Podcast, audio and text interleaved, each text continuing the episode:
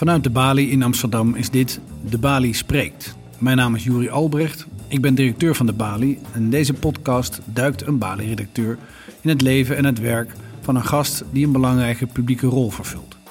Wat drijft onze gast in zijn werk? Waar probeert hij invloed uit te oefenen en hoe kijkt hij naar het huidige publieke debat? Vandaag praat programmamaker Rick Zeveke met schrijver en telegraafcolumnist Nausicaa Marbe. Een gesprek over de rol van een columnist in het publieke debat, haar zorgen om toenemende politieke correctheid en de invloed van de toon op de inhoud van het debat. Luister naar Rick Zeveke in gesprek met Nausicaa Marbe.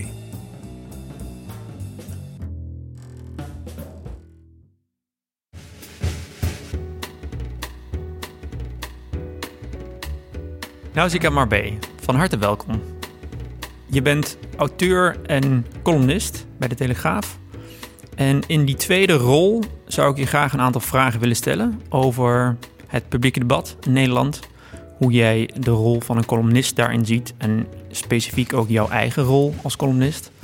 Kun je misschien ehm, vertellen wanneer je bent begonnen met het schrijven van opinierende stukken? Um, ik ben, en waarom ook? Ja, ik ben begonnen uh, in het begin van, uh, nou, vlak na de millenniumwisseling. Uh, dat was de tijd dat 9-11 plaatsvond en daarna in Nederland de moord op Pim Fortuyn. En daarna kwamen wij als samenleving misschien in een periode van grote veranderingen, morele verwarring, politieke onrust. Uh, alle zekerheden die we hadden meegenomen uit de, van het eind van de vorige eeuw, na de val van de muur, uit de Paarse kabinetten, werden ineens op een kop gezet. Uh, het was in die tijd ook dat er gewoon een enorme polarisatie ontstond in meningen. En dat er gewoon uh, discussies uh, op elkaar botsten. dat integratievraagstuk opkwam. Dat de islamproblematiek opkwam. En dat waren zaken die gewoon daarvoor niet uitgebreid besproken werden. Paul Scheffer had zijn uh, multiculturele drama geschreven. Dat was gewoon echt aan de ene kant uh, goed ontvangen omdat hij taboes openbarstte. Aan de andere kant werd hij verketterd. Dus het was merkbaar dat er een enorme spanning was over um, in het nadenken en praten over sociaal-culturele ontwikkelingen in Nederland en politieke veranderingen in Nederland. En toen dacht ik, ja, dit is uh, het moment om mij te roeren, omdat ik um, daar meningen had. En omdat ik ook als migrant uh, ik was dus in 82 naar Nederland gekomen, lang daarvoor. Um, Vanuit andere, Roemenië? Uit Roemenië, ja. Uh, andere gedachten en, uh, en, en meningen had over hoe migranten zich moeten gedragen of aanpassen, of wat ze kunnen verwachten, of wat ze kunnen eisen, dan de groep die je na, na 9-11 hoorde. En dat waren voornamelijk mensen met een islamitische achtergrond. En jong, ja, jong en oud, alles door elkaar. Ook wel veel verschillende stemmen. Nou, ik wil je, ik wil je, uh, je gaat vrij snel ja. al naar de uh, inhoud van een vrije samenleving toe. Daar wil ik je zeker zo meteen ja. ook nog een aantal vragen over stellen. Um, maar nog eerst een paar stappen ja. terug misschien. Nou ja, misschien kwam dat ook vooral door je persoonlijke achtergrond als, mig uh, als migrant in Nederland... dat je dacht, ik wil hier me mengen in dit gesprek? Ja, vanuit de ervaringen die ik had meegemaakt met in Roemenië met dingen niet kunnen zeggen mm -hmm. en de mond snoeren.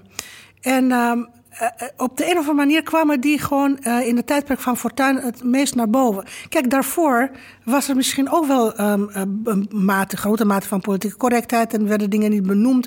Maar was de discussie daarover niet zo groot. Wat bedoel je precies met de mond snoeren?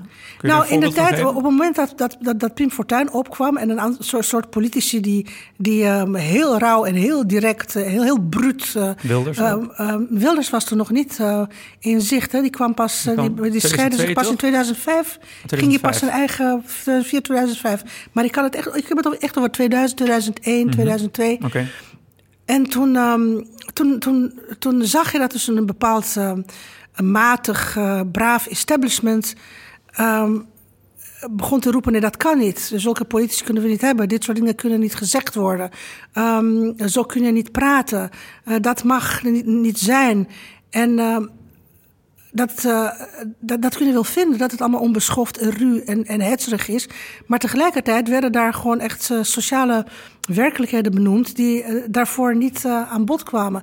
Dus ik was een beetje um, geërgerd door het feit dat, Dat, dat, dat er zoveel geroepen werd, dit kan niet, dat mag je niet zeggen en dan ben je fout. Hebben Terwijl ik, ik, ik, ik droomde juist van een Nederland waarin, van een vrije wereld waarin je alles kan zeggen. Mhm. En daarna moet je het beargumenteren en daarna krijg je tegenspraak.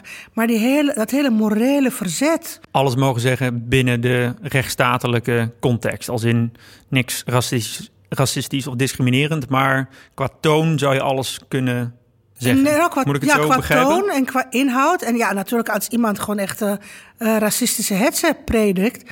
Dan, eh, dan komt er vanzelfsprekend gelukkig tegenspraak. Je zegt, ik droomde van een Nederland waarin alles kan worden gezegd. Ja. Juist omdat ik eigenlijk uit een land kom waar dat absoluut niet kon. Ja. Heel onvrij was in Ja. die zin. Heeft dat dan te maken met... Want er zitten natuurlijk wel grenzen aan de vrijheid van meningsuiting. In de zin van, er is een verbod op discriminatie, er is een verbod op racisme. Ehm, op het moment dat je ehm, eh, ook verbaal racistisch discriminerend bent...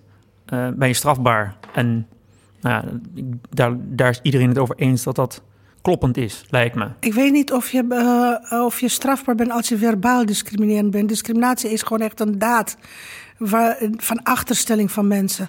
Mensen gewoon eh, voorzieningen onthouden, mensen, mensen eh, duperen, Dat is mensen inter- uitsluiten. Dat is interessant. Dat, dat zou betekenen dat je verbaal niet discriminerend of racistisch zou kunnen Nee, zijn. racist, racistisch is iets anders. Maar discrimineren. Kijk, eh, de grens tussen generaliseren en discrimineren wordt in Nederland al gauw gemaakt. Hè?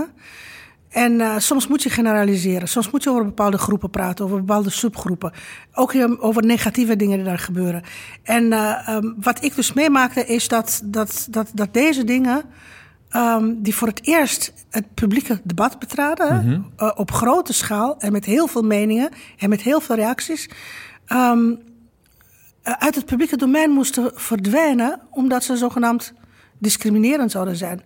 Of grievend of, of, of, of, of immoreel. En dat is het niet. Je Maar het mag- is natuurlijk gevaarlijk om een eh, individu te reduceren of een groep te, zeg maar, te generaliseren en op basis daarvan ook individuen te beoordelen. Dat Natuurlijk is, is dat zo, maar in de praktijk gebeurt het. en dan zijn er mensen die hopelijk ingrijpen. En dat zie je wel. Maar het, het, ging, het ging er niet om dat er gewoon in het publieke debat besproken werd over meneer X en meneer dat deugt niet of, of, of, of, of is geen goede burger of, eh, of eh, mag gediscrimineerd worden omdat hij eenmaal tot een groep behoort die niet deugt. Het ging gewoon echt om heel concrete gebeurtenissen in de samenleving, om verandering van beurten, om intolerantie, religieuze intolerantie, om discriminatie van vrouwen om eh, seksueel geweld eh, of mutilatie van vrouwen. Dat zijn bijvoorbeeld allemaal ehm, eh, onderwerpen die Ayaan Hirsi Ali op de politieke agenda heeft gezet. En als je dat nu bekijkt, is het gewoon echt allemaal overgenomen door linkse en rechtse partijen en vertaald naar deugdelijke, beschermende wetgeving. Destijds werd zij verketterd als, als een gruwel. En, ehm, en ik herkende dat, dat, dat onrecht, dat mensen, dat klokkenluiders, eigenlijk kun je dat zo, dat klokkenluiders werd aangedaan. Uh, met Pim Fortuyn was dat iets anders. Ik vind Pim Fortuyn ook een klokkenluider. Maar dat was werkelijk iemand die uh, een ongeleid projectiel was. En inderdaad uh, in racisme kon, kon Vervallen. vervallen. Maar dat was, um, dat, dat was mijn, um, mijn punt niet in deze discussie. Want ik, ik... Jij wilde graag door middel van opinierende stukken bijdragen aan deze discussie. Ja, Op een manier waarvan nou, je dacht, ja, dat gebeurt laten, te weinig. En, en, laten zien dat nieuwkomers uh, gewoon geen uh, kastplantjes hebben, zijn... en geen recht hebben op een totale en volledige bescherming van de cultuur van af, afkomst... die zich mag afzetten tegen, tegen wat ze hier eh, vinden. Het was een tijd van botsende normen en waarden...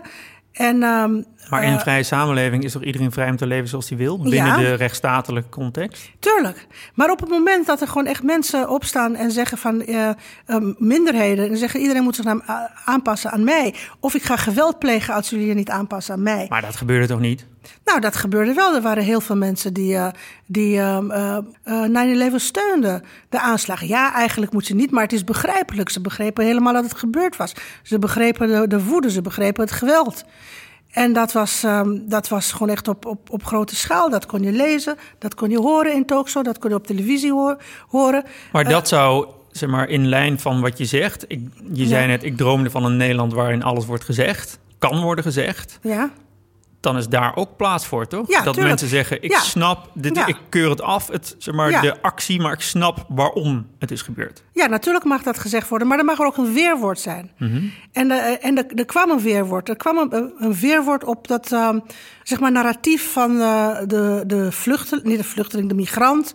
En voornamelijk de moslimmigrant, die, een, eh, die voornamelijk in, zijn eigen cultuur mag blijven, daarin gerespecteerd moet worden. Die, die hele religieuze, soms onderdrukkende patriarchale cultuur, die ook nog gesubsidieerd werd, daarvan uit de hoogste stem kon hebben in een debat. Daardoor werden ook heel veel moslims gedupeerd die daar helemaal niet tot die groep gerekend wilden worden. En dat werd allemaal zichtbaar op dat moment. De hele diversiteit binnen subgroepen werd zichtbaar. En toch was er gewoon, als je kijkt naar de prominente stemmen die zich destijds roerden, was er gewoon echt een ehm, tendens om tegen mensen die zich eh, die, die, forse kritiek hadden op de islam. Niet zozeer uit de politiek, maar mensen uit de samenleving, mensen uit het, uit het publieke debat. Die kritiek hadden op een slachtofferrol, die kritiek hadden op het conservatieve. Om die weg te zetten als eh, ondeugdelijk, als eh, fascistoïde. Terwijl ze gewoon echt inderdaad alleen maar een andere stem wa- waren. Die een weerwoord gaven aan mensen die, die iets. ehm, iets ehm, Ja, het eh, moeilijke, het moeilijke ja. ehm, eh, dat ik hier aan vind, om je, en ik ga proberen om te duiden wat je zegt.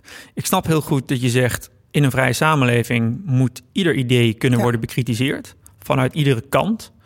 Ehm, en daarin mag je ook eh, bewoordingen gebruiken die mogelijk eh, kwetsend kunnen zijn, los van eh, racistisch of discriminerende bewoordingen. Hè. En tegelijkertijd vergt het ook, je, zou ook, je kan niet heel generiek zeggen dat de tegen, het tegengeluid vanuit conservatieve kleur ehm, uitsluitend alleen maar genuanceerde conservatieve argumenten waren. Daar zet, het is natuurlijk veel diffuser dan dat. ja, Zoals dat nu ook veel diffuser is. Je kan niet, eh, we kunnen niet over publiek debat praten als je hebt een conservatief kamp en je hebt een progressief kamp en die strijden met elkaar. Maar er zit allerlei vervuiling, bevlekking aan beide kanten in. In activistische zin of in eh, discriminerende zin.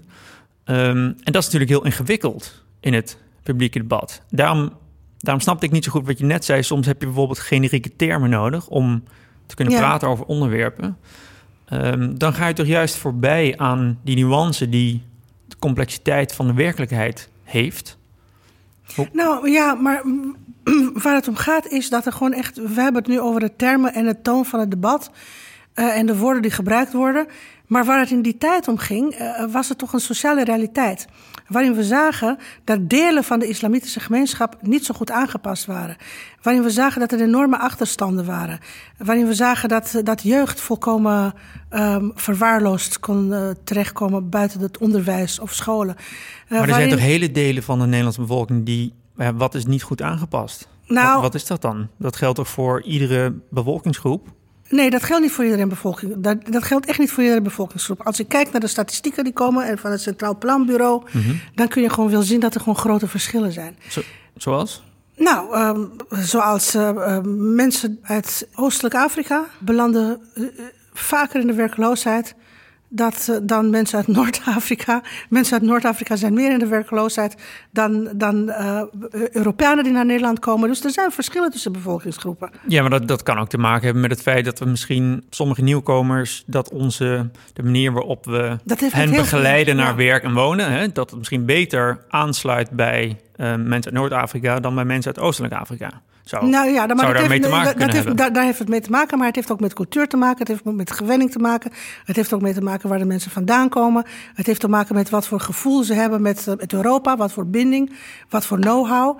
Marokkanen hebben bijvoorbeeld een, eh, een, een meer know-how over Europa en hoe de dingen hier functioneren dan rurale gemeenschappen in Oost-Afrika. Dus er zijn heel veel verschillen. Maar dit is leuk eigenlijk om daarover te praten en om te zien wat er aan de hand is Nou en ja, hoe dat het gaat. Niet altijd voor iedereen leuk natuurlijk. Los van het feit dat het niet altijd voor nou, het iedereen leuk hoeft nuttig. te zijn. maar het maar- is nuttig natuurlijk. Hè. Het is nuttig om, als je gewoon echt iets te berden brengt, om daar gewoon inderdaad een discussie over te hebben. Ik zeg, Ik zie heel grote verschillen. Jij zegt dat verschillen hebben niks te maken met wat, wie, de Nou, mensen zijn, maar met hoe we het aanpakken. Ik zeg van ja, hoe we het aanpakken is natuurlijk gewoon echt eh, misschien onze tunnelvisie. Maar daarnaast zijn er ook heel veel culturele verschillen. En zo kom je gewoon echt tot een, tot een totaalpakket aan informatie. dat veel wa- waardevoller is dan wat de een of de ander roept. Maar deze discussie was. eh, eh, in de tijd dat, dat, dat, dat Scheffers dat, dat bommetje legde met, eh, met een mul- multiculturele drama, niet mogelijk. En de tijd daarna eh, was het stroef. En in de tijd dat, dat, dat, dat Fortuyn daarmee aan de haal ging en dat echt zo bruut deed en met grenzen dicht voor moslims en dergelijke uitspraken, toen was het, ehm, en met een heel grote eh, electorale zegen na zijn, dood, na zijn dood, was, dat, eh, was de discussie gewoon heel complex en tegelijkertijd ook heel chaotisch en heel agressief geworden. En waarom eigenlijk? Want op zich is het goed dat iedereen meepraat en iedereen wat zegt en iedereen wat roept. Maar omdat er gewoon echt toch een beschermende tendens was ten opzichte van de conservatieve islam. Als je kijkt naar de werkelijkheid wat er gebeurde, gemeentes, ehm, eh, autoriteiten, bestuurders hadden toen gewoon echt voornamelijk contact met conservatieve, eh, zwaar religieuze mannen die namens iedereen praten.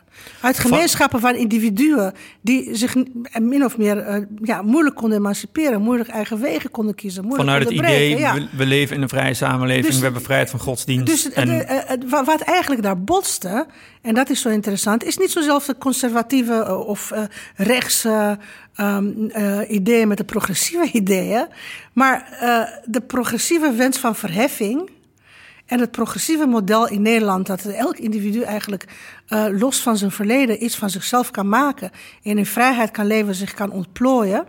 ehm, dat botste met dezelfde progressieve wens om vanuit eh, ehm, idealisme eh, rechts in te dammen om kwaad te spreken over de islam. En daarom zie je die strijd ook binnen de PvdA. eh duurt volgens mij nog steeds met vrij links. Je ziet die strijd ook binnen de SP, binnen de linkse partijen. Ehm, eh, je ziet die strijd ook bij ehm, ehm, opiniemakers die in het midden zijn, die aan de ene kant nog de zenen voelen van kwaad spreken over de buitenlander, en aan de andere kant eh, eh, zich ongelooflijk ergeren aan alle conservatieve religieuze krachten die, eh, die ontwikkelingen belemmeren en vrouwen achterstellen bijvoorbeeld. Oké, dus sinds ehm, 2001 en een, sinds een aantal gebeurtenissen zou je kunnen zeggen, of als ik je goed hoor, zeg je, ehm, is het publieke debat op een aantal onderwerpen opengebroken waar het eerder Ja. dicht zat, vast zat misschien. Ehm, als we dat vergelijken met de tijd van nu en ook met de toenemende mate van invloed die misschien bijvoorbeeld sociale media en internet hebben op eh, maatschappelijke onderwerpen. Ehm, als ik je goed begrijp, zeg je polemiek is eigenlijk goed, omdat we dan onze ideeën over hoe we samenleven kunnen aanscherpen, genuanceerder kunnen maken. En soms gaat het er hard aan toe, maar dat is nodig. Zijn we niet te ver doorgeslagen in die polemiek, in jouw ogen? Als in, staan, we niet veel te veel, staan er niet veel te veel groepen tegenover elkaar, die eerder verder van elkaar geraken dan dat ze eh, verbinding maken met elkaar. En dat komt misschien wel door zo'n polemische toon. Eh, ja, dat is een. eh, Dat is een moeilijke vraag. Nee, nee, nee het, is niet, het is geen moeilijke vraag. Maar dan moet je gewoon bekijken eigenlijk hoe, hoe enorm groot het debat is. Mhm. En ehm, ik denk niet meer dat we de groepen kunnen definiëren. niet eens eh, ehm, in links staat tegenover rechts. Mhm. Of progressief staat tegenover conservatief. Of christenen staan eh, eh, tegen moslims. Of arm tegen rijk. Of hoogopgeleid tegen laagopgeleid. Omdat er gewoon echt zo'n enorme vermenging en verbrokkeling van eh, interesses eh, plaatsvindt. Een goed voorbeeld is, eh, zijn die Armeense kinderen die ondergedoken waren. Waarbij dus gewoon echt links en rechts mensen die van, van, van geen, geen stijl, met, met, met, met ultra-progressieve geesten die geen stijl nog met geen, geen blik waardig gunnen, die stonden daar te roepen dat er eindelijk een humaan beleid moet komen. En dat uh, uh, deze regering gewoon haast moet maken met, met snellere beslissingen. En uh, pardon voor kinderen. gaat, ja. Dus dat, um, je ziet eigenlijk dat er gewoon echt meer ge gelegenheidscoalities ontstaan om ergens voor te pleiten of ergens tegen te pleiten. Um, dus in die zin. Mensen worden meer fluïde? Ja, ja zegt? mensen worden meer fluïde. Ik denk niet dat mensen tegenwoordig nog zin hebben om uh, bolwerken te vormen waarin ze tegen elkaar strijden. Um, althans, niet meerderheden. En dat komt natuurlijk omdat ze op, inderdaad op verschillende uh, podia kunnen opereren. Ze kunnen gewoon echt bepaalde debatten uh, um, op internet voeren en andere debatten in, in, op podia zoals de Bali, andere in de politiek. Ze kunnen gewoon lobbyen, ze kunnen demonstreren. Um, ze hebben ook informatie uit meer kanalen natuurlijk. Vroeger, toen dit debat begon, ja, natuurlijk was er internet, maar eigenlijk werd het debat op de opiniepagina's van de kranten gevoerd. Het multiculturele debat, zo heette dat toen, uh, werd op de opiniepagina's van de kranten gevoerd. Daarna kwam het klimaatdebat, werd op de opiniepagina's van de kranten gevoerd. De opiniekaternen waren groot en dik. Maar toen lazen verschillende kampen nog wel ja. elkaar standpunten. Nu heb Ja. je, zou je kunnen zeggen Ja. eh, dat er misschien meer echokamers zijn van Dat is het probleem nu, vind ik. gelijkgestemden. En, en nou, ik vind nu het probleem dat veel mensen gewoon in, een discussie instappen. Uh, met argumenten die ik uh, tien jaar geleden ook gelezen heb. Of uh, twintig jaar geleden, of vijftien jaar geleden ook. En uh, dan kijk ik naar de leeftijd van die persoon. En als het een jong iemand is, denk ik: oké, okay, jij komt net kijken. Hebt, je hebt misschien niet dat geheugen. Dus het is begrijpelijk dat jij gewoon met die argumenten komt. En kennelijk zijn die nog steeds geldig. En is dat nog steeds uh, de, uh, voor jou een manier om hierop in te stappen. En je gaat je gedachten ontwikkelen. Maar als het om oudere mensen gaat, mensen die 40, 50, 60 zijn en die beter zouden moeten we weten, denk ik van waar ben jij geweest? Wat heb je gevolgd? En waarom ga je er zo slordig en makkelijk in staan? En als ik een kritiek zou hebben op het debat vandaag, is dat het gewoon echt um, heel um, um, opgefokt is. En ook sensationeel. Heel veel mensen gooien een mening die slecht onderbouwd wordt, ook in de grote kranten. Hoe komt dat, dat het opgefokt is en emotioneel? Uh, omdat wij ge gewend zijn aan ophef en aan sensatie. En omdat Waarom er, zijn we daaraan gewend? Omdat uh, de media dat toch wel als patroon gebruiken, als format en patroon bij alles. Of het nou, uh, of het nou om, om, om, om een, uh, op het journaal gaat, een item op het journaal. Of, uh, nou ja, of de, iets aan de talkshow. De Telegraaf, Ja, jouw krant, doet daar natuurlijk flink aan mee, toch ook? Ja, maar andere kranten ook inmiddels. Dus dat, wat dat betreft is het. Uh, is het maar wat, uh, wat, wat vind je daarvan dan? Kun je daar kritisch nou, ook over zijn? Uh, ik, kan, ja, ik, ik, ik, kan daar kritisch over zijn, maar laat, laat ik even dat afmaken wat ik bedoel met, um, met, uh, met um, op, opiniemakers. Um, op het moment dat je gewoon doet alsof een discussie bij jou begint, dan zet je de klok achter. En dan zitten we eigenlijk in een soort enorme, in het publieke debat, enorme dans met elkaar, waarin niemand meer in de maat loopt. Hoe kan dat worden opgelost? Door, uh... Door veel strengere selectie. Veel strengere selectie bij kranten. Door redacteuren die uh, heel deugdelijk met een rode pen de argumentatie bekijken. En door instituten, zoals de Bali bijvoorbeeld, die um, een, een, um, een belangrijk thema um, oppakken en daar een heel coherent, uh, coherente debatten op uh, uh, over loslaten. En ook heel strak, als men, mensen uitgenodigd worden, heel strak um, interviewen. Als je voor- en tegenstanders van nou, migratie uitnodigt, dan moet je gewoon aan het eind van een avond weten wat de oplossing van de een is en wat de oplossing van de ander is. En hoe die elkaar eventueel zouden kunnen vinden. En als ze niet vinden, hoe ze denken dat de samenleving kan functioneren als, als de twee oplossingen gewoon echt op elkaar blijven botsen. Dus het is gewoon, uh, het, het gaat om debatteren vanuit kennis over het verleden van het debat en het onderwerp en met perspectief voor, voor de toekomst ervan. Dat is, dat, dat is de manier waarop je oplost. Het is heel moeilijk. En ik zie heel veel mensen die dat wel doen. Um, op, op heel veel plekken. Maar het, is, het, is moe het kost letterlijk moeite. Als in nou, een vrije samenleving kost um, moeite. Het is heel veel. Het is, uh, er zijn heel veel podia tegelijkertijd. En um, uh, ik heb ook wel eens gewoon echt um, pleidooi van mensen gelezen om alle columnisten te schappen. Of, of uh, nou niet allemaal, maar gewoon echt 70 procent, want het is waardeloos en 30 procent is goed.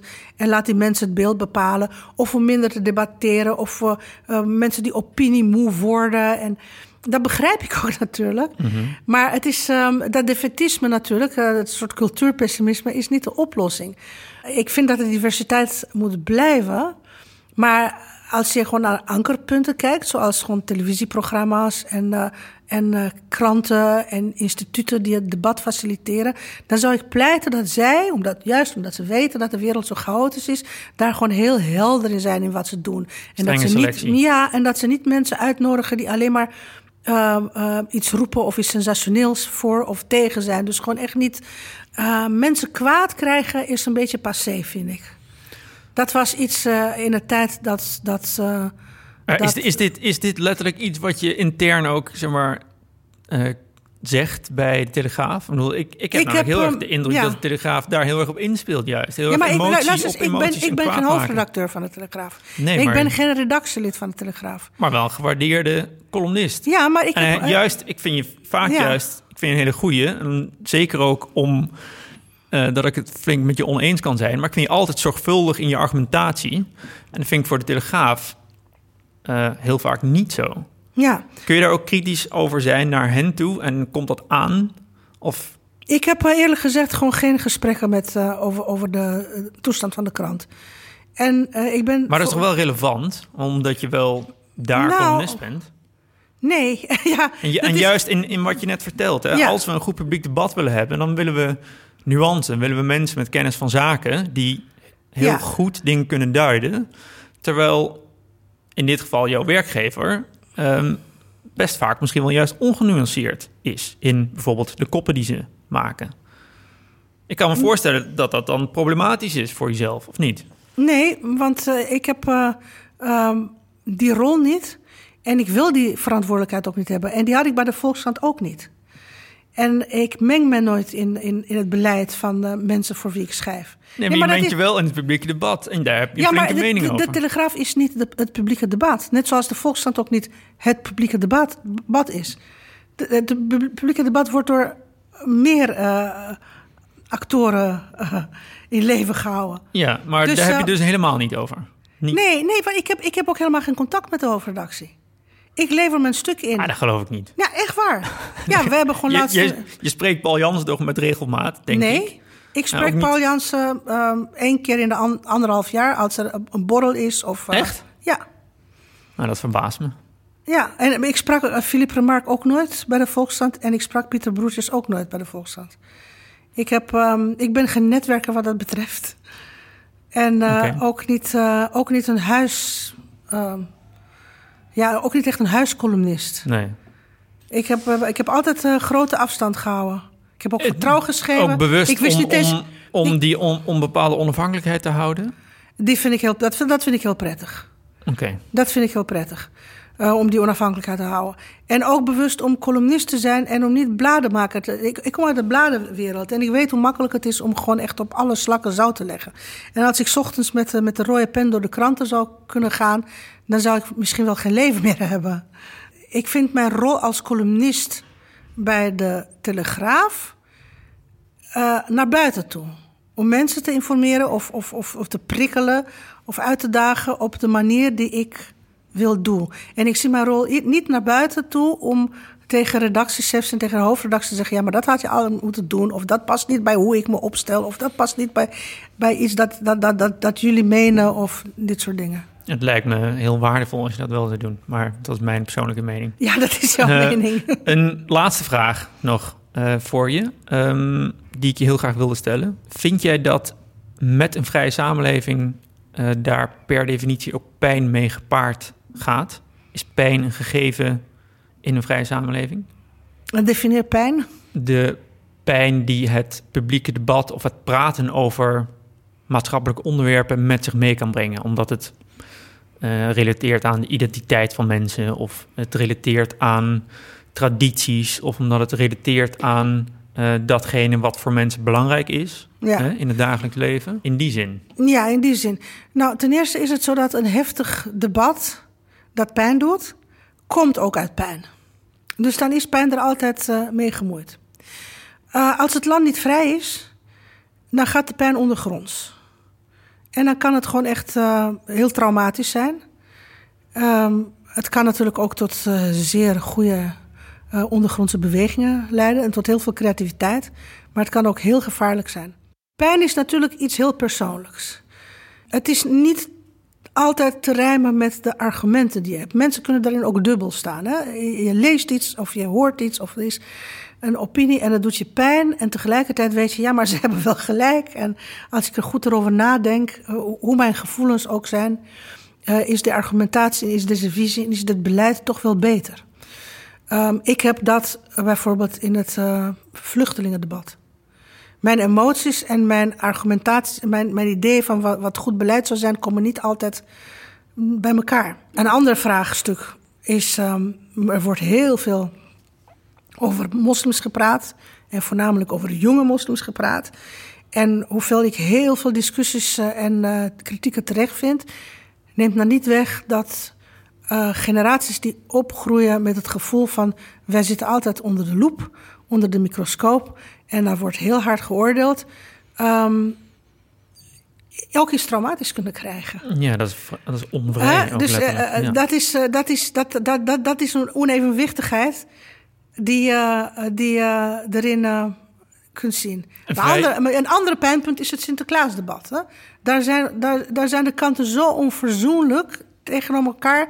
dat men echt vergeten is om te kijken naar het verdriet van beide groepen.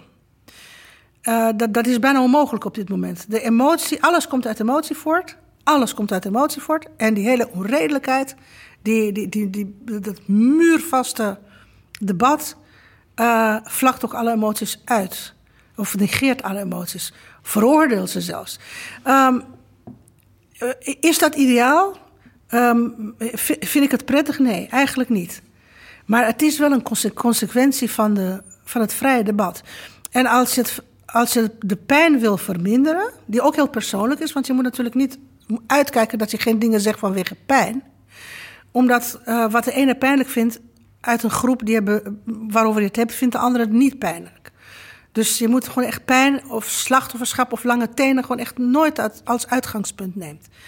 Zeg je harde dingen, dan moet je wel zorgen dat je ze uh, zo beargumenteert of zo brengt dat ook degene die zich gekwetst kan voelen of die het niet met je eens is, ziet waar je vandaan komt met je argumenten, waar je naartoe gaat en waarom je dat zegt. En omdat grotere principes of het algemeen belang uh, jou belangrijker, belangrijk zijn voor jouw opinie en niet het zwart maken van, van iemand of het raken van mensen of het. Uh, Okay. Behalve bij politici hoor. Ik vind dat je politici wel um, als hard kunt aanpakken. Ja, nou, ja. Als, als politici echt grote fouten maken.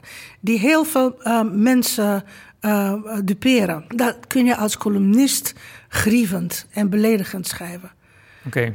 Um... Maar de pijn, uh, ja, de pijn hoort erbij om een concreet antwoord te geven.